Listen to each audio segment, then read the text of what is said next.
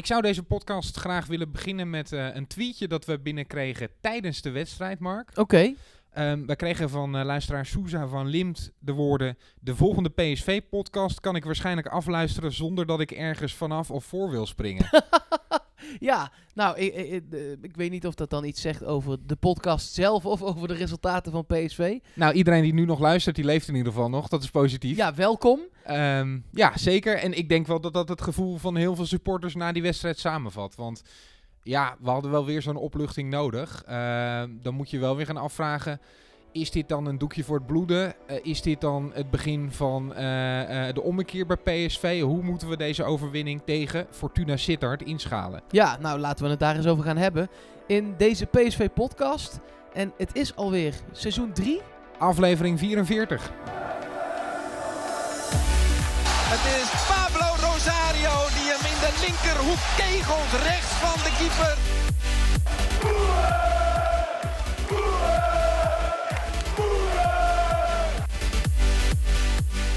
Daar is dat jagen van Lozano dus heel erg goed. 2-0 voor PSV. Luc de Jong komt er binnen uit de voorzet van Brenet.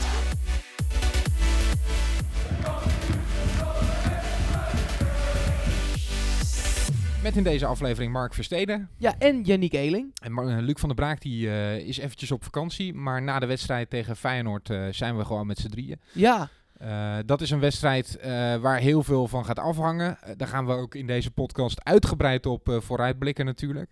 Ehm, want ja, weer een lastige uitwedstrijd. We weten het verhaal inmiddels, inmiddels met de uitwedstrijden. Dus hoe gaat die wedstrijd zich ontwikkelen? Daar kunnen we alvast een beetje op vooruitblikken.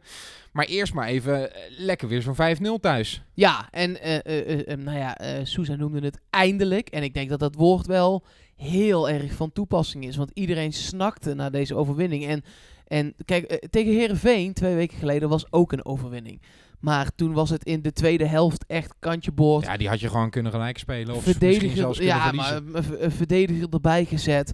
En we moesten ons dan maar vastklampen aan twee keer een helftje Ja. dat, het, dat het goed was, zeg maar. En eh, da- daar was iedereen wel zo'n beetje klaar mee, eh, including ik. En nu was het wel gewoon een lekkere 5-0 overwinning met een stabiele wedstrijd over de eerste en de tweede helft. ook. Absoluut. Ehm, want wij zeiden in de rust ook nog al, toen stond PSV echt al een mijlenver voor 3-0. Eh, van hoe gaat die tweede helft dan zijn? Kan PSV dan eindelijk een beetje dat niveau vasthouden? Ehm, maar dat vond ik wel. En, en dat is wel grote winst ten opzichte van de afgelopen wedstrijden. Waarin werd gezegd dat we steeds één fantastische helft speelden. Eh, en dan één hele slechte tweede.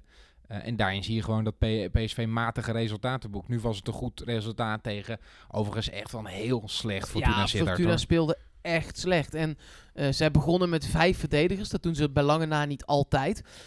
Zij spelen normaal gesproken of 4-4-2 of 4-3-3 zelfs. Maar nu was het ja, een, complete kerstboomopstelling. Ja, Met vijf verdedigers. was leuk. Sinterklaas eh, eruit de kerstboom erin. ja, maar het was echt vijf verdedigers. Daar ook nog eens twee man net voor. Waardoor je, als je de keeper meetelt, ja, met acht man aan het proberen bent om het maar dicht te houden achterin. Ja, Dan stonden daarvoor, net daarvoor, ook weer twee man. Want Diemers die stond in papier wel op de spits. Maar op het veld stond hij dan weer samen met Paslak daar weer net voor.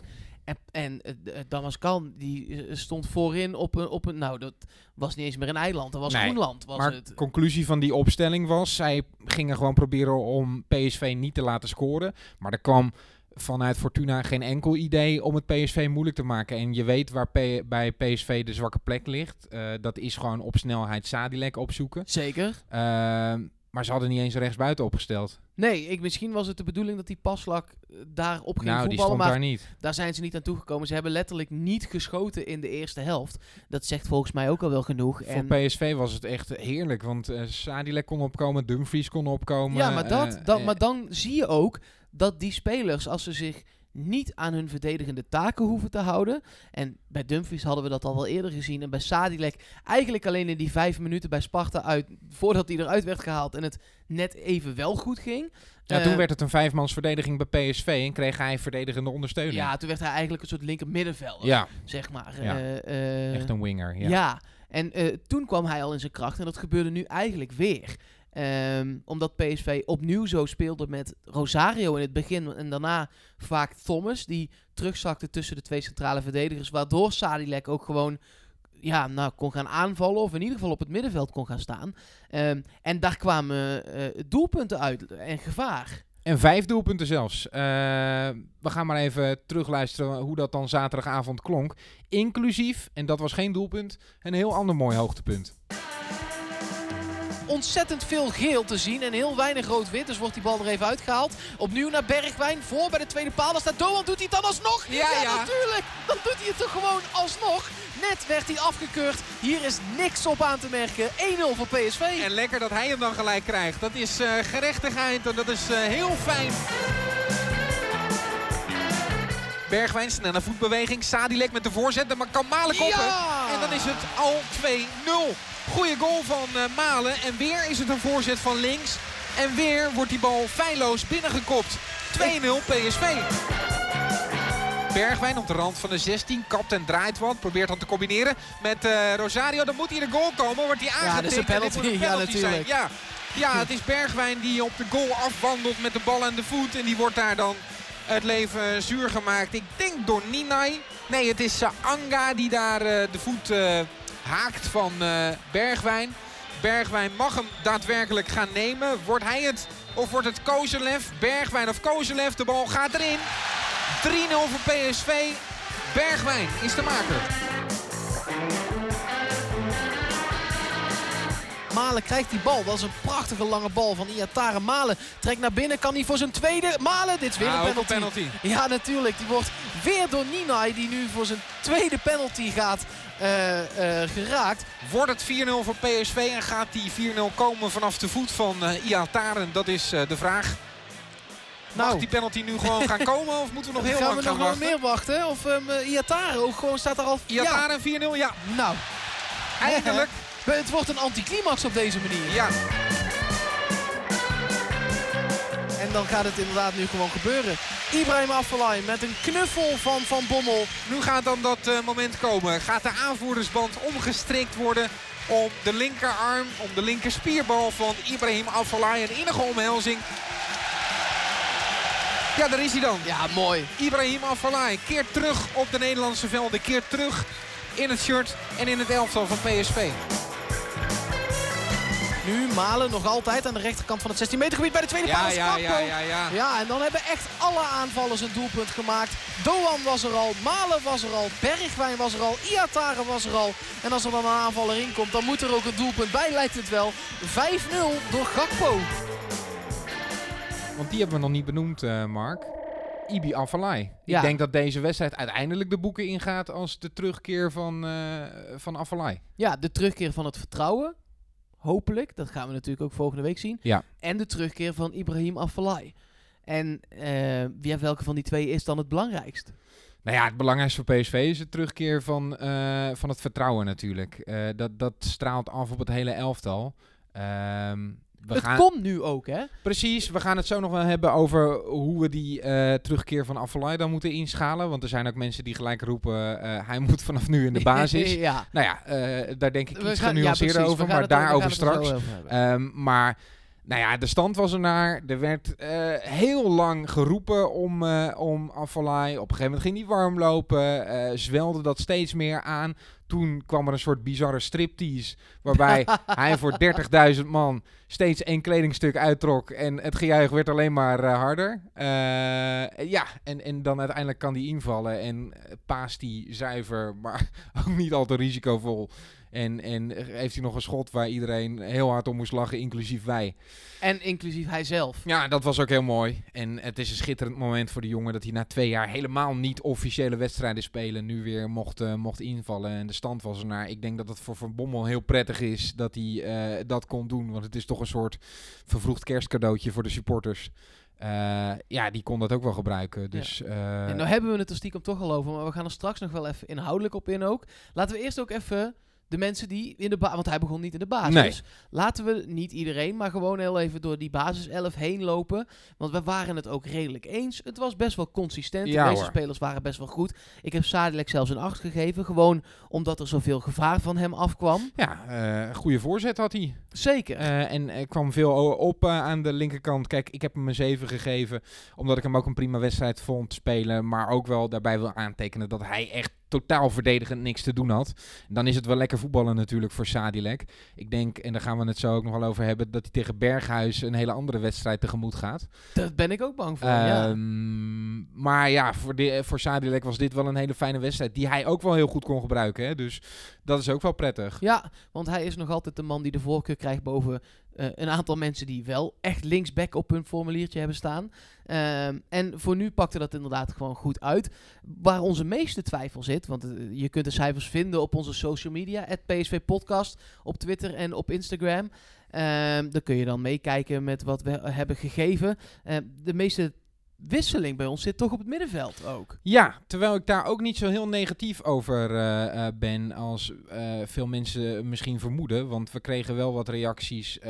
Ik kreeg bijvoorbeeld de vraag waarom ik Thomas maar een 6 heb gegeven. Ja, die heb ik een 7 gegeven. Nou ja, ik vond Thomas een hele goede wedstrijd spelen. En ik denk dat je van eh, de eh, mensen die eh, die achterste twee posities op het middenveld kunnen bevolken. dus Iataren niet meegerekend op het middenveld. Maar die positie waar nu Rosario en Thomas stonden. Dat Thomas de enige is nu in de selectie van PSV die onomstreden zo'n plek krijgt. Zit je, ben je bij mijn fanclubje gekomen? Nou ja, ik vond Thomas echt, echt een hele goede indruk maken in dit duel. Hij is belangrijk in de passing. hij brengt voetbal, maar brengt ook wel eh, het verdedigende loopwerk. Is scherp. eh, eh, dus ik was heel positief over hem. Waarom ik hem een 6 heb gegeven, is omdat ik hem in de passing toch soms nog wat onnauwkeurig vond. Zeker in de eerste helft gaf hij een paar ballen. en Die waren risicovol. Dat, dat is een kracht, hè? Als je risicopasses durft te geven. Dat is iets wat PSV ook wel kan gebruiken. Maar ze gingen net even te vaak in de benen van een tegenstander. Nogmaals, ik vond Thomas een hele goede wedstrijd spelen. Maar daarom kwam hij net uit op een 6 bij mij. Maar dat is gewoon wel een 6,4 zeg maar. Ja, nee, ik snap het ook. Ja, ik ben, mocht je PSV-podcast nog niet helemaal vanaf het begin luisteren. Ik roep eigenlijk al vanaf dat hij geblesseerd is geraakt. eh, begin vorig seizoen. Ja. eh, dat dit wel eens een hele belangrijke pion bij PSV kan gaan zijn. Ehm, en het lijkt er nu op dat ik in ieder geval een beetje gelijk ga krijgen. ja. En ik doe het niet voor mijn gelijk. Ik ben vooral blij dat het ook daadwerkelijk werkt voor PSV. Nou, we kunnen hem gewoon heel goed gebruiken. Zeker. Eh, hij is een type Rosario op het moment dat Rosario op dit moment gewoon zelf wel echt wat minder is. Ja, die wij allebei een 6 hebben Ja. eh, gegeven. Werd ook Maar dat gewisseld, zit wel hè? echt tegen de 5,5 aan. Ja, hoor. absoluut. Ehm, ja, hij, vliegt er wel in. Hij wint wel duels. Maar voetballend heeft hij nauwelijks een oplossing naar voren. Eh, dat is wel eh, een- een zwakte. Want nou ja, van, vanuit het centrum van de verdediging, eh, dat hebben we al vaker besproken, eh, komt niet heel veel voetbal meer bij PSV. Dat was in, af, eh, in andere seizoenen wel anders. Eh, dus dan verwacht je van die twee achterste middenvelders wel meer. En, en bij Rosario komt dat er gewoon wedstrijd op wedstrijd niet uit. Nee. Ik vond dit overigens niet zijn slechtste wedstrijd van de afgelopen weken. nee, maar het zegt wel... Hij mocht natuurlijk altijd blijven staan, omdat Ja. hij de aanvoerder was. Ja, Eh, nu is hij die band kwijt en hij Eh, wordt steeds gewisseld. hij wordt eigenlijk bij iedere wedstrijd wordt hij eruit gehaald. En dat zegt wel wat over de status die hij eh, eh, eh, bij supporters heeft. Want ik vond het wel wat ver gaan. Volgens mij hoorde ik zelfs mensen juichen toen hij eruit Ja. werd gehaald. Ja. Eh, dat gaat me dan allemaal wel weer wat ver, want het blijven allemaal wel PSV'ers. Maar het zegt wel wat over de status die hij op dit moment heeft bij de supporters. En bij de status die hij dus blijkbaar ook bij de staf begint te krijgen. Maar dan wil ik het ook wel hebben over zijn vervanger. Want we kregen Gutierrez ook net zo lang te zien als Rosario. Ehm, ik vond hem weer de ouderwetse lakse indruk maken. Buitenkantje links Ja, op die bal, moment, nou, ik was echt aan het- Tenminste, ik denk dat dat de bedoeling was. Ik was, het was dat ik op de radio was, dat ik niet kon vloeken. Maar anders had ik dat gedaan. Want die, die nonchalance die er dan weer vanaf spat. Ja, echt en, ongekend. en dan krijg je de kans... hij moet toch vechten voor zijn, voor zijn plek? Nou ja, het, het, het zou toch een ideaal middenveld zijn als hij naast Thomas zou ja, staan. natuurlijk. Dan heb je Op lekker papier veel voetbal. wel, ja. Eh, en heb je de strijd van Thomas. Ik heb in het begin van dit seizoen zelfs Gutierrez een paar tackles zien maken. Maar die wil nu zijn broekje ook niet meer vies maken. En wil weer geweldige passes buitenkant links geven. Zodat hij weer in de samenvatting belandt. Eh, maar daar ben ik inmiddels wel klaar mee hoor. Ja, ik ook. En ik zat ook in het Gutierrez fanclubje, omdat ik hem soms ballen zag geven die niemand anders geeft. Alleen die geeft hij nu nog maar één keer in de zes, zeven invalbeurten. En toen was dat nog veel regelmatiger. Splijtte hij echt defensies. Ja, Eh, en dat is wel weg. Eh, Dat heeft natuurlijk te maken met het vertrouwen dat hij niet krijgt. Ehm, en we hebben de- hij is een beetje hetzelfde eh, geval als Pereiro. ja. Daar zal altijd discussie over blijven. Want hij ziet soms dingen die niemand ziet. En dat is briljant. Maar ja, je hebt ook nog die andere 70% van de wedstrijd. Waarin je hem dan helemaal niet ziet. Nee, nee, nee, nee. Dat is wel vervelend voor PSV. Want eh, het zou zo lekker zijn als je ook op dat middenveld vastigheid zou krijgen. Nu is het elke keer is het weer zoeken van oké, wat, wat is dan het beste voor PSV? Kijk, Rosario, daarvan zeggen we nu, eh, dat is absoluut niet zeker dat hij een basisplaats houdt. Maar ja, dan is wel de vraag wie dan? ja, dat is zeker de vraag. Ehm zo dadelijk, eh, als we gaan vooruitblikken op eh wedstrijd tegen Rosenborg die nergens om gaat, maar met name die wedstrijd tegen Feyenoord, ben ik wel benieuwd eh, wie jij dan op het middenveld ziet staan. Ik heb daar ook wel een idee over. Ja, maar Nou, ik zal het tipje van de sluier oplichten. Iatare staat er in ieder geval ja, zeker. ja, die ook weer gewoon een, een prima wedstrijd speelde. Ook daarop kwam kritiek omdat jij hem een 6 had gegeven. Ja, klopt. En dat is een beetje hetzelfde verhaal als wat jij bij Thomas hebt. Kijk, dat is natuurlijk bij je, je kinderen zo. Tenminste, dat zeggen ze. Ik heb geen kinderen. Eh, maar bij alles wat je, je lievelings Voor zover is... je weet tenminste. Ja, Ja. voor zover ik weet, ja. ja. En dat wou ik ook nog wel even Ja, zo, zo Ja. houden. Dus eh, mocht ik ergens wel kinderen hebben, laat het me vooral niet weten. Het PSV podcast op Twitter. Of dat, op eh, Instagram. worden hele awkward momenten dan. Ehm, maar nee, ja, ik heb hem inderdaad een 6 gegeven, omdat ik, ehm, ik vind hem zo goed, misschien wel. Kijk, wij geven deze cijfers meteen na de wedstrijd. Ja. En nu heb ik de samenvatting nog een keer gezien en ik heb delen van de wedstrijd helemaal nog een keer zitten kijken. En eh, tuurlijk, hij speelde gewoon echt wel een goede wedstrijd. Ehm, maar ik, ik zag hem een aantal corners nemen en ik zag hem een aantal vrije trappen nemen. En toen dacht ik wel, ook in het achterhoofd, dat heb ik toch steeds in het achterhoofd met, ja, je moet wel even dit half jaar pieken tot, tot juni, zeg maar. Want je wilt het EK. Want je moet, nou, ik wil hem in de selectie van Koeman Ja. zien. Eh, en dat zal hij ongetwijfeld zelf ook willen. Ehm, en op die positie is nog echt wel even wat concurrentie, hè? Dat is niet zomaar even een, een plekje. eh, Je op- bedoelt in Nederland zelf dan? Ja. Ja, nee, ik wou zeggen bij PSV niet. Nee, nee, nee. Maar je, eh eh, Wijnaldum kan daar spelen op het middenveld. Prupper, Frenkie de Jong, eh Donny van de Beek. Nou, Berghuis, die, die staat tot nu toe altijd op het formulier. Dat is dan een rechtsbuiten, maar daar zou Iatare ook eventueel Ik kunnen denk dat hij met name ook als optie voor de rechtsbuitenpositie wordt gezien. Ja, daar gaat hij bij PSV, duikt hij daar ook wel steeds op. Ehm, maar dan gaf, zag ik hem een paar slechte ballen geven. En het was meer, eh, die zes is ook meer een soort van, ah, kom op, je, je kunt gewoon echt Ja. beter. Ja. En, Ik eh, snap dat gevoel heel erg goed. Laat hoor. dat alsjeblieft zien, want eh, ik zou het zo zonde vinden als Strootman. Ja, ik heb daar helemaal niks meer mee. Nou, wacht maar tot hij terugkomt. Want hij wordt weer genoemd hè, bij PSV. Ja, maar dat gaat hij nooit doen. Die verdient daar eh 7 miljoen per jaar of zo. Ik weet het niet, maar dat was echt... Ik heb het laatst gelezen. Echt een bizar hoog bedrag. Wat PSV never ever nooit Nee. meer kan betalen. Nee. Ehm, maar met dat soort type spelers, zeg maar... da- daar heb je in Nederland zelf dan niet zoveel. En als dat dan ten koste gaat van Iatare, omdat hij net even dat, dat soort... Die cornertje, dat is gewoon... Hij heeft die trap. Dus Nou dat ja. is gewoon concentratiegebrek of zo. Over die dode spelmomenten wil ik inderdaad ook wel iets zeggen. Ik heb hem een 7 gegeven, omdat ik hem ook wel een paar hele goede Nee, wisselpases zag geven. Zeker weten, zeker weten. Eh, die corners eh, die waren matig in vergelijking met eh, andere wedstrijden. Ze waren vaak half hoog. Ja, bij de, kwamen eerste, paal, heel makkelijk weggekopt. Ja, ja, dus dat viel me tegen van hem. Ik, ik ben beter van hem gewend. Eh, ik zag een paar geweldige panna's, maar ik zag er ook eentje op de PSV socials verschijnen, waarna hij gewoon wel de bal verliest hoor. Dus eh, eh, ik vind dat Maar dan heb je er niks aan. trucjes moeten effectief zijn. En dat, dat was niet altijd zo. Maar het is geweldig om naar te kijken. En we weten allemaal wat hij kan. En we hopen dat er gewoon steeds nog meer kan. En, en daarom behandelen wij hem zo. Maar ja, dat, dat hij ja, een van de betere van PSV zo niet de beste is, dat is wel duidelijk. Ja, de, de allerbeste, in ieder geval in deze wedstrijd. Ehm, en nog wel voor meer mensen, want hij was, zat ook in verschillende teams van de week. En Nou, niet bij de supportersvereniging. eh, want die Nee. hebben hem niet als man of the match nee, dat was benoemd. eh, Thomas. ja. Maar ja, voor mij was het overduidelijk Bergwijn. Absoluut. Ja, allebei een 8 hebben wij hem gegeven. Er kwam in de eerste helft zoveel dreiging vanaf. Ik vind echt knap hoe hij is teruggekomen naar die blessure. Zeker als je Ehm, het vergelijkt met bijvoorbeeld Malen. Want die speelde ook niet slecht tegen Fortuna. Maar die is ook teruggekomen op hetzelfde moment van een blessure. En dan zie je hoeveel moeite het kan kosten.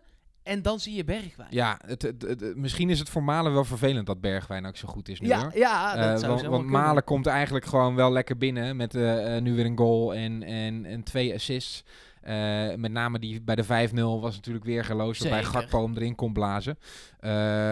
Maar ja, als je dan Bergwijn ziet, die gewoon lekker aan het dribbelen is aan die linkerkant. Ja, die heeft wel weer een beetje zijn oude vorm. Nogmaals, het is tegen Fortuna en ik ben benieuwd hoe hij het tegen de verdediging van Feyenoord gaat doen. Maar ja, zo'n Berg, eh, Bergwijn in vorm kunnen we uitstekend gebruiken bij PSV. Zeker, zeker weten, zeker weten. Nog eentje noemen, want eh Doan maakt een eh buitenspelgoal en maakt daarna gewoon een goede kopgoal.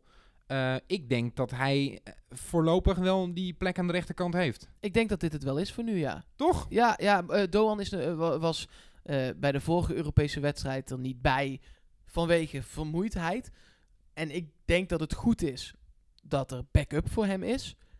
Maar ik denk wel dat Bruma, ondanks dat hij het meest heeft gekost van allemaal, die plek nu wel even kwijt is. Ja, ja. Dus dan, dan zijn de voorhoede eh, en ik denk ook de achterhoede voorlopig wel gecoverd. Baumgartel moet weer even wachten, denk ik. Ja, dat denk ik ook. Al dacht ik dat de vorige keer ook. En toen stond hij er ineens weer in. Ja, maar dat er nu eh, eh, voor, voor zekerheid wordt, eh, wordt gekozen lijkt me best wel logisch. Ja. Zo dadelijk gaan we kijken of, of bespreken wat wij dan tegen Ro- Rosenborg zouden opstellen. Of dat dan de vaste basis moet zijn om het goede gevoel te houden. Of dat je juist wat spelers ritme wil laten opdoen. Ja. En minuten wil laten maken. En met name hoe we tegen Feyenoord zouden spelen. Ehm, zullen we even de reacties die binnen zijn gekomen eh, doornemen? Nou, ik wil, ik wil nog, nog één. Laten we Afvalai nog wel heel even inhoudelijk behandelen. oh ja, ja, ja. Dat hebben we beloofd. Dat hoort bij deze wedstrijd nog. En dan gaan we daarna door. Ja, dat ook goed dat is goed. Ik heb namelijk als eerste vraag. Denk jij dat Afvalai er ook was ingekomen als het Oost-tribune publiek niet 20 minuten lang zijn naam had gescandeerd? Denk jij dat Afvalai er eigenlijk ook al echt klaar voor was? Mijn gevoel zegt ehm, dat wel dit het duel was waarin dat kon. Dus ik denk wel dat Van Bommel dit scenario had klaar liggen. Van oké, als er een grote uitslag staat tegen Fortuna, dan kan het. Ik denk niet dat hij nadat eh, de Oosttribune begon te zingen in één keer dacht... Oh ja, dat is eigenlijk ook wel een goed idee. nog. Nee, ik maar denk wel, niet dat het zo is gegaan. ik, denk, ik denk wel dat het het heeft versterkt. dat denk ik ook. Eh, en ik heb dat op de radio ook al wel gezegd. Ik denk dat je na een periode die zo slecht is geweest voor PSV, qua voetbal en qua resultaat, dat je de supporters ook wel een pleziertje mag doen. Zeker als je ziet hoe ze achter de ploeg zijn blijven Ja. staan. Ieder uitvak zat vol. Eh Lightdown Madness heeft nog opgeroepen, we moeten voor de volle 100% achter ons publiek gaan staan. Ehm, nou ja, we- op dat juichen van blijkbaar voor die wissel voor Rosario na. Ik denk echt dat ik dat heb gehoord. Ehm, eh, eh, ja, geen onvertogen woord over het support.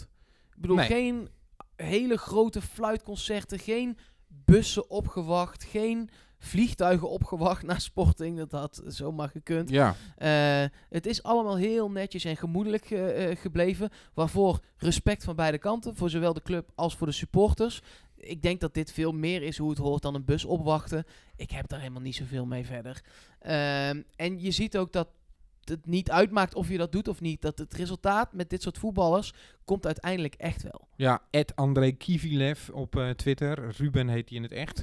Die eh, eh, stuurde, was de invalbeurt van Ibrahim Afellay nou daadwerkelijk toevoeging of deed Van Bommel dit alleen om credits bij het publiek te verdienen?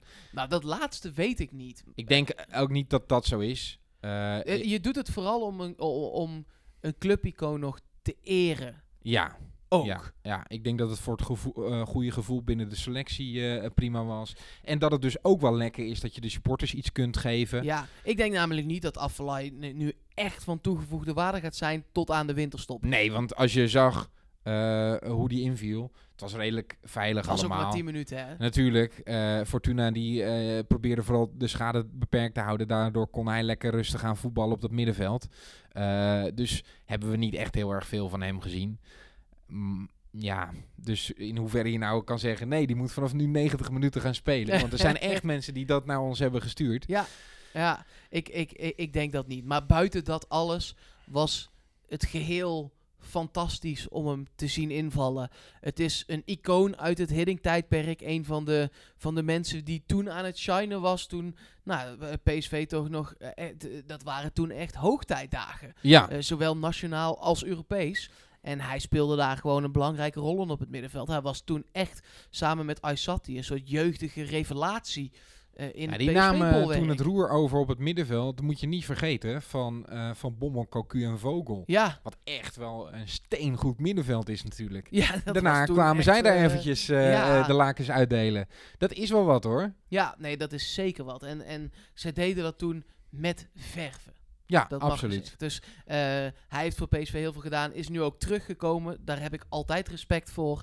Ehm, en ik vind dat je dat soort mensen en dat soort spelers dan ook met alle EK's moet behandelen. Reactie was mooi na de wedstrijd ook hè. Tuurlijk. Gewoon echt eh, vanuit de pure emotie. Hij kreeg ook meteen die band. Hij Ja. kwam erin voor Dumfries. Ja, dat, want ik twijfelde daar inderdaad nog over en jij ook. eh, of hij, eh, als hij voor een andere speler erin was gekomen, of hij dan die band had gekregen van Dumfries. Maar dit was eigenlijk de beste oplossing. Ja, dit Dan was heel slim gedaan van Van geen Bommel. discussie. We hebben, we hebben eh, Van Bommel de afgelopen weken een aantal keer aangepakt om mismanagement. In de zoet kwestie. Nou, eh, die hoeven we allemaal niet nog meer erbij Nee. te halen. Maar dit was Heel slim heel gedaan. slim gemanaged. Ja, Want dan je- hoef je die keuze namelijk helemaal niet te maken. Nee, we weten nou eigenlijk niet Nee. of Dumfries of, uh, of Afellay dan uiteindelijk Dat de aanvoerder was geweest. Ja, nee, Ja. prima.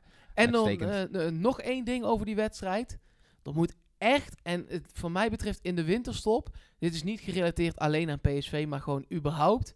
Ik heb me intens geërgerd aan meneer Jansen. En voor de mensen die meneer Jansen niet kennen, dan zou je hem beter kunnen kennen als de VAR. Ja. Het duurde lang allemaal en om onnodige dingen. Ja. En vooral heel lang. Het was, wij hebben gewoon een duwtje van, van Malen. Ik denk dat we op dat doelpunt anderhalf minuut hebben zitten wachten. Op die penalty denk ik dat we wel Allebei. tweeënhalve minuut Ja, zitten wachten. allebei die Die penalties. tweede penalty, weer anderhalf Daar minuut ging dan om een gele kaart. Ja. Om de verkeerde die de gele kaart heeft gehad. ja. Dan neem je toch... eh, ja, het is een overtreding. We kijken zo wel heel even voor wie de gele kaart is. Penalty nemen. Wachten. Dan zit hij erin. Juichen. Lachen. Aftrap staat klaar. Wachten. Jij, de- dan heeft die VAR heeft nog alle tijd tijdens de penalty ook om gewoon te kijken... wie had er nou eigenlijk geel. Maar, want dat het een overtreding was, dat, Dat was 100% was duidelijk. duidelijk. Ja. ja. Maar wat zitten ze daar nou... Die eerste goal die af wordt gekeurd van Doan op 2 mm, denk ik, nou ja, eh, dat, dat is prima. Maar als dat de regel is, we doen op, op een millimeter is het buitenspel. Prima, maar waarom moet het dan zo lang duren voordat we het horen? Je hebt toch een systeem waarbij je gewoon een lijn trekt. En als hij een millimeter over die lijn zit, is het buitenspel. Zo niet, dan niet. Zijn toch hele... Moet, dat, in mijn hoofd zijn dat hele snelle, simpele keuzes. Lijkt mij ook. Ehm, ik denk ook dat we op een gegeven moment wel naar een, eh, een systeem toe gaan waarbij buitenspel meetbaar wordt zoals de doellijntechnologie ook meetbaar is. Ja, Eh, maar in Engeland is dat nu al zo, hè? Is dat zo? Ja. Ja, dat, ze hebben daar een ander systeem. Ze trekken de rechte lijn die ze in Nederland ook trekken. Maar dan trekken ze ook een eh, verticale lijn. De horizontale lijn gaat over het veld. Ze trekken op die verticale lijn. Op die ik moet het goed zeggen. Op de horizontale lijn, dat is die blauwe lijn die je op het veld ziet. Van eh, zijlijn naar zijlijn. Precies. Trekken ze verticale lijnen omhoog op het voorste puntje van de speler. Minus de armen, want die tellen niet. Eh, waar die staat. Dat doet de computer gewoon. Ja. Dus je ziet gewoon vanaf de knie van de ene een rechte lijn naar beneden. ja. En van de voet van de ander een rechte lijn naar beneden. En als de ene lijn voor de ander staat, is het wel of geen buitenspel. Nou ja, het is sowieso natuurlijk al heel hypocriet dat het van het stadion afhangt wat voor buitenspelsituatie je krijgt. En dus niet eens van het stadion, want eh, eh, het was bij RKC was het ellende afgelopen weekend. Ja, maar blijkbaar Eh, is het dus dat had Fox niet eens- Sports ja, die het dan precies. bepaalt. Die hadden daar niet op de juiste plekken dan de camera staan. En Zeist gebruikt de beelden die Fox gebruikt. Wat ook wel weer efficiënt is natuurlijk. Maar snap het ik, is maar wel dan- puur willekeurig. Ja, want als Fox dan blijkbaar RKC Herenveen, met alle respect voor die clubs, terecht een minder belangrijke wedstrijd vindt dan eh Thuiswedstrijden nou, van Vitesse PSV. Feyenoord. Ja. eh, of de thuiswedstrijden van PSV. Als Fox dat geen belangrijke wedstrijd vindt, mis je voor buitenspelmomenten drie belangrijke cameraposities. ja, ja, dat is toch helemaal koekoek? nou ja, en, Dan gaat de commerciële partij bepalen of je wint of verliest misschien wel op sommige momenten. Kijk, er zal heel vaak. PSV zal vaak in eigen stadion de aanvallende partij zijn die wordt afgefloten in een buitenspelsituatie. Want ik denk Ja. dat wij in eigen stadion vaak in de aanval zullen zijn. Dus dat speelt wel mee, hè, dat soort dingen. Kijk, onze concurrenten die hebben dat ook. Eh, eh, maar ten opzichte van de kleinere clubs is dat wel eh, bijzonder te noemen. Helemaal mee eens. Heel, Ehm, heel raar, dat moet gewoon gelijk getrokken worden. Straks de rest van het eh, nieuws eh, maar even doornemen. En ook dus die wedstrijden Rosenborg en eh, Feyenoord. Maar eerst wel even wat, wat andere reacties. Nout Peters bijvoorbeeld op Twitter. Die vraagt, zouden jullie Doan laten staan? Of zouden jullie iemand anders de kans gunnen tegen Feyenoord? Het gaat alvast een beetje over die, eh, over die wedstrijd. Waar we zo dadelijk uitgebreider op ingaan. Ja, Eh, maar hij zegt gekoppeld aan het strijdplan voor de uitwedstrijd. Counter of spel bepalen. Spel bepalen. Ja, ik vind ook... eh, maar dat zou ik altijd zeggen. ik- dus ik weet ook niet ehm, of je nou Doan moet inschalen als iemand die je als een soort spelbepaler inzet, als een soort voetballer. Want ik vind hem verdedigend ook heel erg van waarde voor PSV. Dus ik denk Zeker juist weten. dat hij in uitwedstrijden heel belangrijk is. En hij is voor Dumfries heel belangrijk. Want Ja. als hij naar binnen trekt, kan Dumfries daar overheen. Dus het is de combinatie van, van factoren. Ik denk dat hij genoeg loopvermogen heeft en ook dat loopvermogen inzet. Want Broema heeft bijvoorbeeld ook veel loopvermogen, maar zet dat eh, voor mijn gevoel wat minder vaak in, in verdedigend opzicht. Ja. Eh, Doan doet dat wel. Ja, Die, nee, die speelt wel eh, vanuit zijn taak altijd. zeker. En eh, in de afwisseling met Dumfries en Eertaren gewoon heel belangrijk. Ja. Dus die zou ik daar nu zeker laten staan. Ja, Mark van Zutphen zegt naar wie keek Van Bommel na iedere goal. Volgens mij heeft. ED Ja. dat gevraagd aan Van Bommel en zei hij dat hij zijn vader opzoekt. Ja. Ehm, En zeker bij één doelpunt, volgens mij was dat de tweede, was het een hele lange blik ook met ja, elkaar. want hij, hij, eh, dat, daar, daar was veel discussie over. Hè. Hij keek naar die goals, keek hij echt naar de tribune. En het leek alsof hij een soort statement aan het maken was richting eh, eh, ja, de directie. Ja, Ehm, Maar- dat werd dan wel ook gelijk genoemd. Maar goed, dan moet je het ook bij de persoon zelf vragen. En als die zegt dat hij naar zijn vader kijkt, ja, wie zijn wij daar dan om daarover te oordelen? Ik kan me dat ook wel voorstellen. Dat als je zoon zo onder vuur ligt, eh, dat je met je vader natuurlijk daar ook een band mee hebt. Dat die ook meegaat in de malaise, zeg maar. En dat je gewoon met elkaar heel blij kan zijn dat het nu eindelijk het kwartje weer gewoon goed valt. Ja, ja. Dat kan ik me heel goed voorstellen. En misschien is het wel zo dat hij een blik had naar de directie hoor. Maar ja, dan is het ook zo goed recht om daar een ander verhaal van te maken. Tuurlijk. Eh, dat gaan we dan eh, verder nooit weten. Ehm, Mountain Division vraagt: Is Thomas de ontbrekende schakel? Ja, Nou, ik denk in dat ieder roep geval. ik al ja, dus ik kan Ja. niet nee zeggen. Van jou is het antwoord niet. Ja, dat is wel in te vullen. Ik denk in ieder geval dat het een hele belangrijke schakel nu op het middenveld is. En eh, daar zijn twee behoorlijk onzekere plekjes geweest. Eén van die twee, zou ik Thomas sowieso opzetten. En die Ja. andere, dat is dan nu de grootste vraag van het elftal, wat mij betreft. Die dat antwoord komt zo meteen nog wel. Ehm, en Sven Prins die zegt drie punten, vijf goals, heerlijke sfeer in het stadion, invalbeurt van Ibi. Even was ik de misère rond de club vergeten. Wat betekent deze ruime overwinning voor Van Bommel? En wat zijn de verwachtingen met betrekking de opstelling voor volgende week in de Kuip? Dat laatste deel van die vraag gaan we zo beantwoorden. Maar wat dit voor Van Bommel betekent? Helemaal niks. is misschien een onverwacht antwoord, maar dit betekent niks. Tegen een zwakke tegenstander thuis met 5-0 winnen zegt natuurlijk niks. Eén zwaluw maakt geen zomer. Eén verlieswedstrijd maakt nog geen crisis. Eén overwinning maakt nog geen zomer. Dat is gewoon wat het is. Er komen eh, tegen Rosenborg, die gaat dan nergens over. En vooral tegen Feyenoord gewoon wedstrijden aan die belangrijk zijn. En zelfs tegen GVVV voor de beker. Als wij weer met een heel B-elftal Ja, die eh, wedstrijd gaan is spelen. belangrijker dan Fortuna thuis natuurlijk. Ja. Ja, nee, maar dat is echt. Want als je ook nog eens uit de beker vliegt... omdat we weer met een of ander B-elftal gaan spelen... zoals vorig jaar, waarvan Bommel toen van zei... eh, ik zou het zo weer doen en ik heb geen fout gemaakt. Nou, als wij nu met Jong PSV eraf vliegen tegen GVVV... dan is, vliegt hij er alsnog uit. Dus eh, als, eh, hij krijgt tot de winterstop. Daar ben ik van overtuigd. En als hij alles wint tot de winterstop... zit hij er daarna ook nog. Ja, en ik denk wel dat deze overwinning voor Van Bommel prettig is, omdat het door zal werken in de kopjes van de spelers. En zij, heeft vertrouwen. zij het gevoel hebben dat ze echt wel kunnen voetballen, kansen kunnen creëren, heel veel kansen zelfs, en ook een doelpunt kunnen maken. Ehm, dus in die zin geeft het Van Bommel iets meer lucht binnen zijn selectie. Maar zijn beoordeling hangt niet van deze wedstrijd af. Precies. Dus, eh, Nee, eh, tuurlijk, eh, ik zeg wel, natuurlijk betekent het iets, maar niet voor zijn, zijn wel of niet ontslag. En ik denk dat dat bedoeld wordt. Het was ook een andere vraag die van iemand binnenkwam. Is dit ook een eenmalige overwinning als tegen Heerenveen? Of is het lek nu echt boven voor PSV? Het lek is meer boven dan twee weken geleden. Dat is overtuigender. Ja, Dus ik denk, want na Heerenveen was het gevoel toch wel... Goh, we zijn ook wel goed weggekomen. En zo, zo best was het allemaal in de tweede helft niet. nee, het, het lek is misschien nog niet boven, maar ik denk dat 70% van het water inmiddels wel is weggespoeld. Absoluut. Dus dat is, dat is heel prettig om te constateren. Ander nieuws doornemen? Ja, dat, eh, dat lijkt me goed. Al was er niet heel veel, paar jarige, paar dingetjes. Ik moet het nog wel even hebben over de stand ook. Ja. Eh, want eh, we gaan natuurlijk voor die tweede plek. En we gaan die wedstrijd niet per se voorbeschouwen. Maar Ajax AZ komt eraan. AZ Dat is wel belangrijk. AZ Eh, Ajax. Ja, het is in, Het in is de Alkmaar. vraag. Nou, dat is ook nog de vraag. Oké, het is in ieder geval misschien ergens wat niet in de arena is. Precies. Ehm, en eh, nou ja, dat wordt wel een echt een belangrijke wedstrijd. Ook voor PSV. Ja, Wat PSV moeten wij daarvan willen, denk Dat is altijd een lastige vraag. Ja, Wat ik zat daar ook nou over na te denken. Moeten we nou hopen op een gelijk spelletje? Want dan verliezen ze de allebei twee. Ja, of Moeten wij hopen dat Ja. Ajax verliest? Want dan zouden we in een heel theoretisch geval nog aanspraak kunnen maken op de titel. Dat is ook hypocriet, hè? Dat je twee weken geleden Ja, nee, alles zeker. nog uit zicht is. Ik weet het. En zo, zo zit voetbal natuurlijk ook wel weer in elkaar. Of moet je hopen dat Ajax wint, zodat je eh, in ieder geval dichter weer bij die tweede plek komt. Wat nu ook zeven punten is.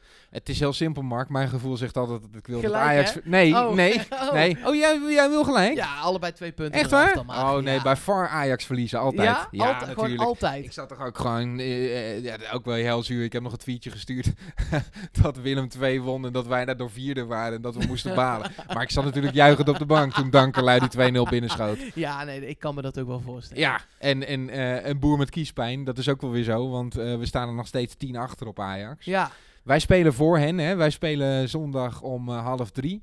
eh, tegen Feyenoord. En dan eh, spelen zij om, eh, om kwart voor vijf. ja. eh, AZ en, eh, en Ajax. Ehm, dus ja, eh, daarna rustig maar even kijken naar die wedstrijd. Eh, en dat, dat gaat wel heel belangrijk worden, want het verschil tussen AZ en PSV is nu zeven punten.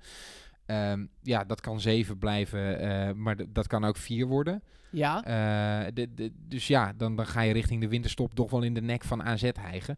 En, en wat daarachter gebeurt is ook wel interessant. Hè? Want Willem II gewoon wel weer gewonnen. Heerenveen gewoon weer gewonnen. Eh Heerenveen staat vier punten achter PSV. Willem II twee punten. Ehm, dus het is wel interessant in je die moet regio. blijven winnen. Absoluut. Ja, eigenlijk is het gekke dat, laten we, want het... Nou, misschien nog één nieuwsdingetje. Eh, daar kunnen we het heel kort over hebben. Het was wel gek. Gerbrands gaf een aantal interviews Ja, eh, de afgelopen week. En ehm, ik wilde ze in eerste instantie niet kijken. heb je het uiteindelijk wel gedaan? Ik heb het uiteindelijk, nadat jij zei dat het wel het was interessant. en dat het interessant was, heb ik ze gekeken. Maar dat was wel ver na de troepen uit, zeg Ja, nou ja, in de vorige aflevering hadden we het erover. Want toen was er ook een vraag binnengekomen. Moet de directie nu gaan eh, reageren op eh, de huidige situatie bij PSV? En toen zei ik, ik verwacht eigenlijk niet dat dat gebeurt. Want Gerbrands heeft eh, een truc. En die waardeer ik ook altijd wel. Hij doet namelijk in crisissituaties... Zegt hij altijd, eh, ik zou dit soort dingen ook niet doen als het heel goed zou gaan. Dus hij vergelijkt altijd de situatie met hoe het zou zijn als PSV wel die afgelopen negen wedstrijden had gewonnen. Uh, dus ik had niet verwacht dat hij zo naar buiten zou treden. Maar blijkbaar vond men het toch nodig om zo'n statement te maken. Ja, overal, behalve bij het Eindhoven's Dagblad. Daar waren ze nog wel zuur over ook. Ja, Collega Rick Elfrink, die dacht... Uh, snap ik ook wel, want het is toch... Je, dat, uh, ja, ik in, weet niet wat daar nou in, in de aan de hand basis is. is dat toch de grootste aanvoer van lezers in je eigen stad. Ja, Dus daar moet iets aan de in hand ieder geval zijn. ook de grootste clubwatcher die maar er goed, is. uh, uh, dat is niet aan ons om daar iets van te zeggen of te Nee, in ieder geval wel opmerkelijk. Het, behalve dat het opmerkelijk is en dat het opvalt dat je de krant uit de stad dan niet meeneemt daarin. Maar Nee. belangrijker is, wat werd er allemaal gezegd? Nou ja, uh, um, wat je toch wel een beetje hoorde, uh, is dat uh, alle opties overwogen zijn. En, en dat is ook wel fair dat Toon Gerbrands dat wel op tafel legt. er is echt wel gesproken over de positie van Mark van Bommel. Maar de conclusie is. Wie, de, het antwoord op de vraag wie is op dit moment het beste voor PSV uh, en is er een beter alternatief, dat gecombineerd maakt dat Mark van Bommel nu gewoon nog op die plek zit. Ja, nou zeker. Uh, maar, want, en, en kijk, ik, namen allemaal in mijn hoofd rondgegaan. En er was maar één iemand waarvan ik dacht, dit zou logisch zijn. En dat is dan Mark van Bommel? Nee. Of Guus Hiddink? Nee. Nee, maar die heeft al zo lang niks meer gedaan. en die ja, wil dat- ook dat niet meer echt. Nee, ja, die, die naam die popt dan altijd weer op. Nee, maar bij tuurlijk, het maar Nederlands zelf ook niet altijd best gedaan. Van Gaal. Omdat hij zulke goede banden heeft met, eh, ehm, met Gerbrands. Ja, En en omdat omdat, hij- hij met jonge spelers kan werken. Ja, Dat is gebleken. ja. Ehm, hij eh, heeft bij een of andere andere club gewerkt, waardoor andere supporters dat vervelend vinden. Ik heb daar niet zo'n last van meer. Ik had dat nog gezien. Maar van al het andere rijtje trainers hebben wat misschien zou willen, vrij is nu, midden in het seizoen. De kwaliteiten heeft die bij PSV passen. De statuur heeft die bij PSV passen. Ja, rijtjes dun. ja, over Van Gaal wil ik overigens wel zeggen, ik zou daar niet heel gelukkig mee zijn. Nee, dat weet ik. Nee. Ehm, en ja. dan kun je wel zeggen, hij is goed met jonge jongens en hij haalt eh, resultaten. Maar ik vind het een kwal van een vent. Ja, Dus ja, ja, nee. Ik, heb ik dat in ieder geval maar vast ja, gezegd. Nee, snap En maar zal dat- voor de spelers heel lief zijn, want dat hoor je ook heel vaak. Hè? Iedereen met, die met hem eh, gewerkt heeft, die loopt met hem weg. Maar ik vind het ook wel belangrijk hoe ik zelf naar PSV zit te kijken en naar de interviews. Ja, nou eh, hebben we daarbij Van Bommel... eh, die, Zeker, die- daar heb ik ook kritiek op gegeven. Ja, precies. Dat wa- was ook niet altijd koek Nee. en ei. Ehm, maar dat was echt de enige naam. Eh, samen met Bert van Marwijk, die nu vrij is met, met Saoedi-Arabië. Maar het zou maar heel gek zijn als hij zijn schoonzoon gaat overnemen. Dat wordt een leuk kerstdiner dan. ja, dat wordt wel echt hommelus. Maar ik denk dat hij nu wel meer tijd heeft om op de achtergrond weer te helpen.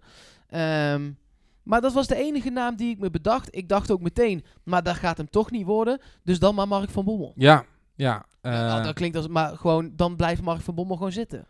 Ja, ik ben ook benieuwd eh, of er echt een lijstje klaar ligt. Want eh, Er liggen altijd overal lijstjes voor klaar, denk kijk, ik. eh, Van Nistelrooy is dan nu weer de nieuwe kroonprins. Maar eh, ja, dit is nog niet zo doorgewinterde trainer dat je zegt van nou die gaat het even makkelijk overnemen. Nee, Wel echt iemand met uitstraling. dat wel. Maar ik weet niet, ik weet niet wat, hoe hij is als trainer. Nee, nee. Eh, iemand, misschien iemand die eh, elke week eh, volgt wat de verrichtingen zijn van de elftallen van, van Nistelrooy.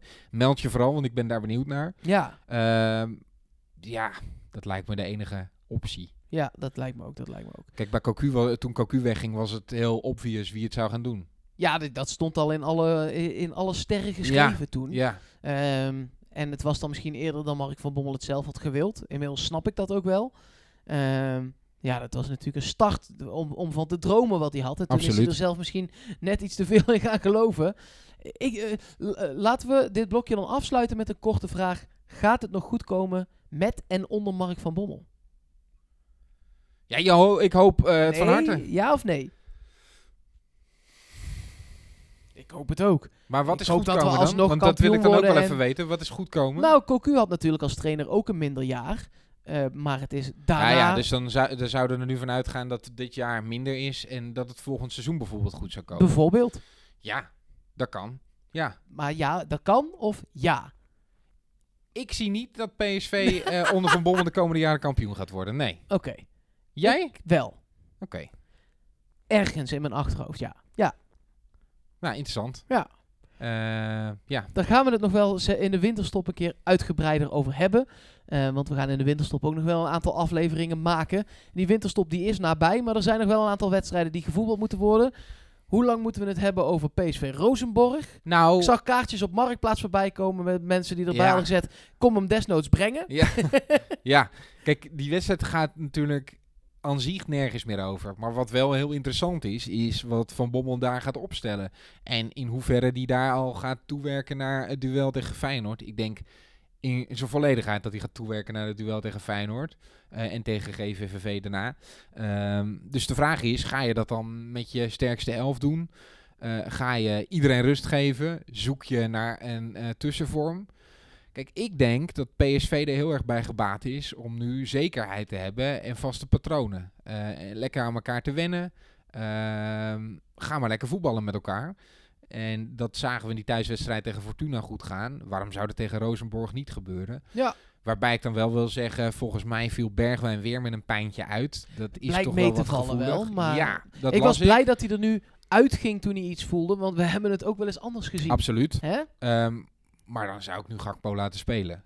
Oké. Eh, mm, en nou ja, dan, dan heb je achterin, eh, eh, denk ik ook, dat, dat je dan wel in ieder geval duo eh viergever moet opstellen. Misschien dat je Boscali een keer een kans zou kunnen geven. dat zou ik doen. En dan is de Of vraag... zelfs Lato misschien wel. Ja, dat zou, zou kunnen. Hij liep warm tegen Emmen. Precies. We Hij kan, ons hij toen kan af blijkbaar waarom. bewegen. Ehm, ja, het, het kan. Eh, eh, misschien dat dat de laatste stroomhal, strohalm is die hij nog heeft eh, richting de winterstop. Ja, want anders is hij in de winter wel weg, denk ik. Precies.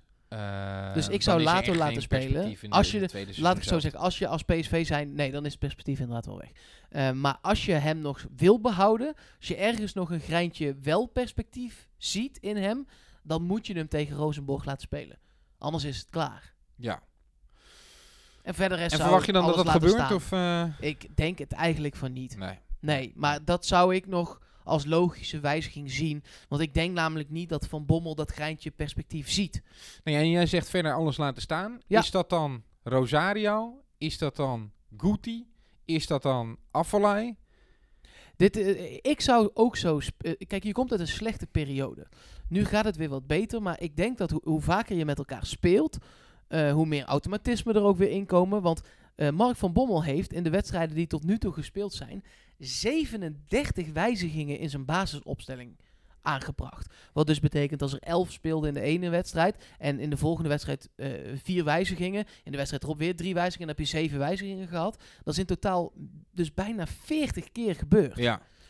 Dat is ontzettend veel. En dat is ook, dan kun je geen automatisme opbouwen. Dus ik zou voor nu eh, daar. Nou ja, kijk, als je, als je de hele elf eh, zou opstellen met uitzondering van Bergwijn. Stel dat je in plaats van Bergwijn Gakpo laat spelen en verder alles zo laat, dan kan je echt wel automatisme opbouwen. Tuurlijk. Maar ik zou het niet te veel gaan wijzigen, omdat het een tussenwedstrijd is. Dus dat zou eh, Rosario dan zijn. Voor mij nu wel. En ik weet niet of ik dat het beste middenveld op dit moment vind. Maar ik vind dat je het nu moet laten staan. Om eerst die automatisme erin te krijgen. En daarna kun je dan altijd nog een keer een wissel toepassen. Kijk, eh, en dan komen we nu bij de vrijblik eh, voor die wedstrijd eh tegen Ja, want voor mij geldt die opstelling ook tegen Feyenoord. Daarom, ik denk dat je moet kijken welk middenveld wil je gaan opstellen tegen Feyenoord. En ik denk dat je daar Thomas sowieso opstelt, Iataren sowieso opstelt. Nou, er zijn al twee van de drie plekken vergeven. Daarom, en dan zou ik als derde, zou ik, en ik ben altijd iemand die balans predikt en in ieder geval de organisatie goed wil hebben staan. Dat wordt door sommige mensen wel eens uitgekotst, maar ik vind dat dat goed ja, moet zijn. nee, zeker. Ja, en daarom zeker. zou ik daar echt niet met Gutierrez gaan spelen in de Kuip. Maar met wie dan? Rosario. Ja, toch. Ja, die zou ik op Kukcu eh zetten. Ja. Oké, ja, dat, dat klinkt ook niet Hendricks. Nou, en dat, Die is nu geblesseerd, maar als je de keuze... Het, eh, eh, het lijkt ook niet een hele zware blessure te zijn. Misschien dat hij er wel weer bij is. Zou je dan, als je die keuze hebt... vind ik in ieder geval een interessantere optie dan Guti. Oké, dus Guti is klaar. Wat mij betreft wel, ja. Ja, die Ja, eh, voor het, de voetballende, eh, voor het voetballende vermogen op het middenveld is het eh, misschien interessant. Als je Thomas weer, als die weer zou wegvallen, dan heb je hem wellicht nodig. Maar nee, ik zie absoluut geen perspectief. Nee, wij kregen via onze social media kanalen ook nog een aantal andere opties binnen. Namelijk dat je wel Bruma aan die rechterkant zet. En dan Doan of zelfs Pereiro kwam ook binnen naast Thomas zet aan die linkerkant van de verdediging. Ik ben daar zelf niet zo'n fan van, omdat je dan echt al het verdedigende wel overboord gooit. Ik weet niet hoe jij erin staat. Nou ja, en bovendien tegen Feyenoord. Je weet altijd dat dat een, eh, een wedstrijd wordt waarin met krachten wordt gesmeten. Waarin zij gaan proberen je te overrompelen. eh, eh, fysieke duels. Want uiteindelijk kan Feyenoord ook niet zo geweldig voetballen. Hè? Nou, heel slecht zelfs. Ze zijn voetballend echt slecht. Ja, dus ze hebben een paar, paar aardige spelers. Maar ik denk dat zij op niet heel veel posities beter zijn dan PSV. Eh, sterker nog, eh, ik zou niet weten op welke positie zij een betere speler hebben. Ehm, nou, laten we het heel even kort doornemen. In ze hebben op goal hebben ze Marsman. Ja, Nou, nou, dan we gaan we, hebben al. twee, twee A3 betere keepers. ja, eh Malasia, Senesi, Bottekin, Geertruida. Ja, is gewoon een matige middenmotor Die, die, defensie. die backs die eh, zijn onzeker. Dat zijn ook eh, vervangers van de, de backs die er normaal gesproken staan. In het centrum lijken ze dan nu wat vastigheid te hebben gevonden. Dat is een beetje dezelfde situatie als bij PSV. ja, Kukçu is wel hun beste. Vind je dat, ja? Ja, dat vind ik. Oké. Vind jij dat niet? Nou ja, ik zit nu te kijken, maar eh, eh, ik, ik zou ook niet weten wie ik verder een hele goede speler vind. Dus is het het beste. Ja, nou ja, To- Toornstra die eh, heeft wel eens bevliegingen, maar ook niet, niet geweldig. Jurgensen kan heel goed voetballen, maar zit echt in een slechte fase van zijn carrière. Berghuis heeft soms een geweldige bevlieging, maar ik, ben, daar geen fan, van. Nee, ik ook ik, niet. ik, heb, ik heb ook altijd geroepen toen hij bij PSV genoemd werd, laat thuis, laat thuis. Ja, ja, ja, daar Dat, waren we eh, unaniem over. ja, en ik ben daar eh, nog steeds blij mee. Ik ook, zeker weten. Zeker en die. Sinisterra kan leuk voetballen, maar heeft ook niet echt eh, dat, je, denkt van nou, die gaat het ploegen is op sleeptouw nemen. Wat wel interessant wordt aan dat duel tegen Feyenoord, je gaat twee interessante duels krijgen, namelijk Berghuis tegen Sadilek. En ehm Sadilek is vaak wel goed tegen een rechtsbuiten die naar binnen komt. Want ik heb hem ook in duels tegen uh, Ziyech bijvoorbeeld gezien. Daarin was hij niet onaardig. Klopt. Ziyech heb ik niet heel veel gezien. Wel in dat soort situaties maakt hij vaak domme overtredingen die net te vroeg in de wedstrijd tot geel leiden. Ja, ik kan me voorstellen dat hij een gele kaart gaat pakken, ja. Ja, ehm, Maar ik... het hoeft niet slecht uit te pakken. Nee. Eh, ik, ik ben banger voor eh, eh, types als eh Narsing Kastelen. Als de tegenstander zo'n zo'n type aan de rechterkant heeft. Dan zit ik meer met angst en beven naar Sadilek te kijken dan als hij tegen Berghuis moet spelen. Ja, Heel gek misschien, maar... ja. En wat is het tweede duel waar je naar uitkijkt of, of bang voor bent? Nou, niet bang voor bent. Ik denk dat daar heel veel mogelijkheden voor PSV liggen. Dat is Bergwijn tegen Geertruida. Ja, Ik denk dat daar toch een belangrijke sleutel ligt voor PSV. Ja het, eh, de, die backs, Malasia en Geertruida die op dit moment spelen. ehm, dat worden hele spannende duels. Ja. Allebei de kanten. Ook met Doan eh, en Bergwijn. Ja, dat wordt wel spannend. Zij spelen eh, nog wel ergens om. Dan is de kans dat zij doorgaan in de Europa League wel echt heel erg klein. Maar ja, eh, een kleine kans is altijd nog meer kans dan dat PSV nu heeft. Ja, dat is nul kans. Eh, dus ik verwacht dat zij eh, nog wel volle bak gaan. En dan is de vraag met wie zij dat gaan doen. Ik kan me bijvoorbeeld voorstellen dat zij Ver niet gaan laten spelen in dat Europese duel. Omdat ze die echt... Die, die kan namelijk geen twee wedstrijden in een week aan. Dus die zal tegen PSV wel gaan spelen. En die zal midweeks denk ik niet spelen. of andersom. Dat hij tegen PSV niet speelt. Ja. maar voor hen, voor hun is dat duel tegen PSV toch gewoon echt heel belangrijk. Ja, maar zij staan er in de competitie inmiddels zo slecht voor. Dat, de, de- dat je, de- ja, je zou ook kunnen denken. Ze staan achtste. ja, Ze staan op eh, eh, zes punten van PSV. ja, dat is toch niet best voor Feyenoord? Nee, maar je bent er ook wel weer zo. Ja, nee, ja, tuurlijk. Maar dat kun je met alles dan zeggen. Dan zijn wij ook zo bij AZ. Het Ja, is ongeveer zijn dezelfde. we ook heel Mark.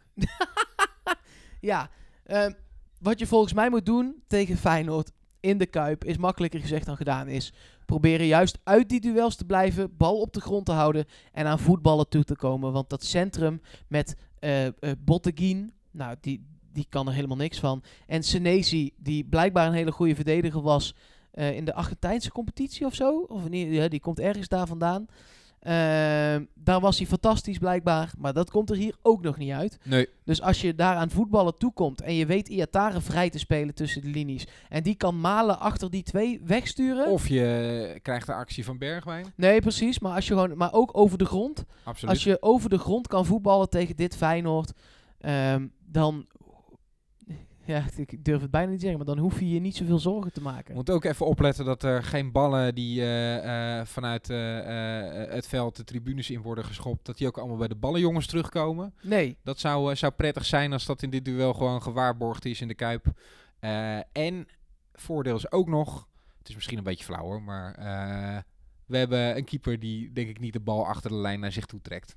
nee, nee, dat denk ik ook niet. Dus, eh, Nee, maar misschien moeten we Nee. Nog wel even die instructie geven. nee, ja, dat is, dat, eh, ja, laten we dat doen. Ehm, nou is het wel zo dat Feyenoord met Dikkie aan het roeren het een stuk beter doet dan eh, met We Stam. hebben nog niet verloren. Nee. Heeft na Ajax en AZ sinds zijn aanstelling de meeste punten gehaald van de Eredivisie ook. Ehm, tenminste, dat was voor dit weekend zo. Ik weet niet hoe dat dit weekend is, maar dat geeft wel wat aan natuurlijk. Ehm, ze hebben een bank met daarop ook Narsing, oud PSV. Ik denk niet dat die nog iets klaar kan spelen, maar die hebben ze wel. Heeft natuurlijk nog altijd wel die dreiging, hè? Nou ja, eh, als eh eh, Dickie naar deze podcast luistert, en dat kan ik me maar zo voorstellen. Dikkie advocaat? Ja? Ja, hallo Dick. Dan zou ik, als, als ik hem een tip zou mogen geven, en ik hoop niet dat hij dat doet, maar dan zou ik Narsing op rechts zetten en Berghuis in de as. Dat zou ik ook doen. Want dan heb je, heeft Sadilek een probleem, hè? Ja, zeker. Maar dat gaat hij niet doen. Of Sinisterra en Hij wijkt. En, eh, Hij wijkt nee, meestal niet zo heel erg veel af eh, eh, van zijn basis. Maar zou dat zou voor. PSV wel het gevaarlijkst zijn. Narsing, Sinisterra, Jurgensen en Berghuis erachter. Ja. Dat zou het, het allergevaarlijkst zijn. Of Berghuis in de spits, want Jurgensen doet ook niet zoveel. Nee, dat is waar. Interessante wedstrijd en heel belangrijk voor PSV. Want dit, dit gaat wel, ja, een slok op een borrel schelen. Als je, als je deze wint, dan denk ik wel echt dat, dat een, een- het goede gevoel voor zover dat terug kan komen, eh, eh, terug is. En als je hem dus verliest, ja, dan kun je wel echt eh, de boel in de prullenbak gooien wat de competitie betreft. Ja, dat, dat klopt. Ehm, zullen we de, de, de uitslagen eens gaan behandelen? De voorspellingen, Ben je ja. er klaar mee? Ja, de- ja, de- klaar mee, maar ik ben er ook wel klaar voor. dat bedoelde ik. Ben je er klaar voor? Absoluut. Ja, ik wilde, mijn twijfel zat er weer in dat ik wilde gaan ademhalen om te gaan toeteren, maar dat, mag doen ik niet meer. heel lang niet meer. Nee, maar dat mag helemaal niet meer. Eh, nou, hou jij even adem. Ga ik vertellen wat Rosenborg eh, PSV gaat worden. Dat wordt namelijk een 3-0 voor PSV. Hoeveel wordt het eigenlijk? Hoeveel wordt het eigenlijk, Mark? Het wordt eh eh 4-1. 4-1. Tegengoaltje. Tegengoaltje. Oké. Ja. En dan... Onterechte penalty tegen. Oh, Ja, dat gebeurt soms. belangrijkste wedstrijd. Ehm Feyenoord PSV. 0-2. Dus voor PSV. Ik had 1-2 in mijn hoofd. Kan ik, mee eh, leven. Dat, eh, dat PSV Winnen eh, is winnen eindelijk op dit eens, moment, eh, toch? Gaat, gaat winnen daar. Ik bedoel, we hebben met 5-0 gewonnen. De crisis is zeker nog niet voorbij. Dus winnen is winnen. Nou, en die wedstrijd eh AZ Ajax gaan we niet voorspellen. Daar gaan we gewoon lekker naar kijken. Nou, ik hoop dat we daar heel lekker naar gaan kijken. Als we er 10 minuten daarvoor met 6-0 tegen Feyenoord zijn afgevlogen in de Kuip, ga ik niet lekker Ajax, eh, of AZ Ajax zitten kijken hoor. True that. Dan ga ik mijn huiskamer in elkaar rammen, denk ik. Ja, dan gaan we even kijken hoe, eh, hoe Willem II het dan eh, Ja, heeft als PSV verliest Oh, die spelen Kuip- vrijdag al, dus dat weten Ja, we als. P- als PSV met 6-0 verliest in de Kuip, dan hebben wij komende maandag geen podcast. Want dan moet ik nieuwe meubels gaan halen bij de Ikea. Nou, eh, goed. We, Als waren, het 5-0 wordt, is het prima. we, we hebben nou het cirkeltje wel rond, hè? Want nou waren er net mensen niet voor dingen gesprongen en van dingen afgesprongen. En eh, zo eindigen we dan. Ja, sorry. Nee, maar die kans is er. Ja, dat is zo. Eh, Ik ga er alleen niet meer van uit. Absoluut. Eh, laat vooral weten eh, wat je bevindingen zijn eh, tijdens de wedstrijd. Want je, het kan je maar zo een vermelding opleveren in de PSV-podcast. Sowieso vragen en opmerkingen altijd welkom, hè, want dat is tof. Dat kan via Twitter, PSV-podcast. Instagram, ook PSV-podcast. In de comments via Soundcloud. in de recensies via iTunes. Ja, en geef dan ook meteen heel even de sterren die jij vindt. En wij hopen natuurlijk vijf, maar doe vooral wat je vindt. Ehm, zodat we met z'n allen eh, het meer over PSV kunnen hebben. Als je nou vindt dat we het ergens over moeten hebben, een keer. Zeker ook met eh, de winterstop die eraan komt. Ja. eh, waar we een keer een wat langere uitzending over zouden moeten maken. Waar we nu natuurlijk door de wedstrijden en nu de crisis die loopt niet echt aan toe komen. Maar dat kan in zo'n winterstop wel. Dus laat even weten waar je, waarvan je denkt dit moet vaker voorbij komen of minder vaak. Of, dat is altijd leuk om te weten. Lekker weer dat er een belangrijke week aankomt ook. Dat is heel fijn. Ja, en eh, dat je tegen Rozenborg gewoon even lekker kan oefenen. Precies.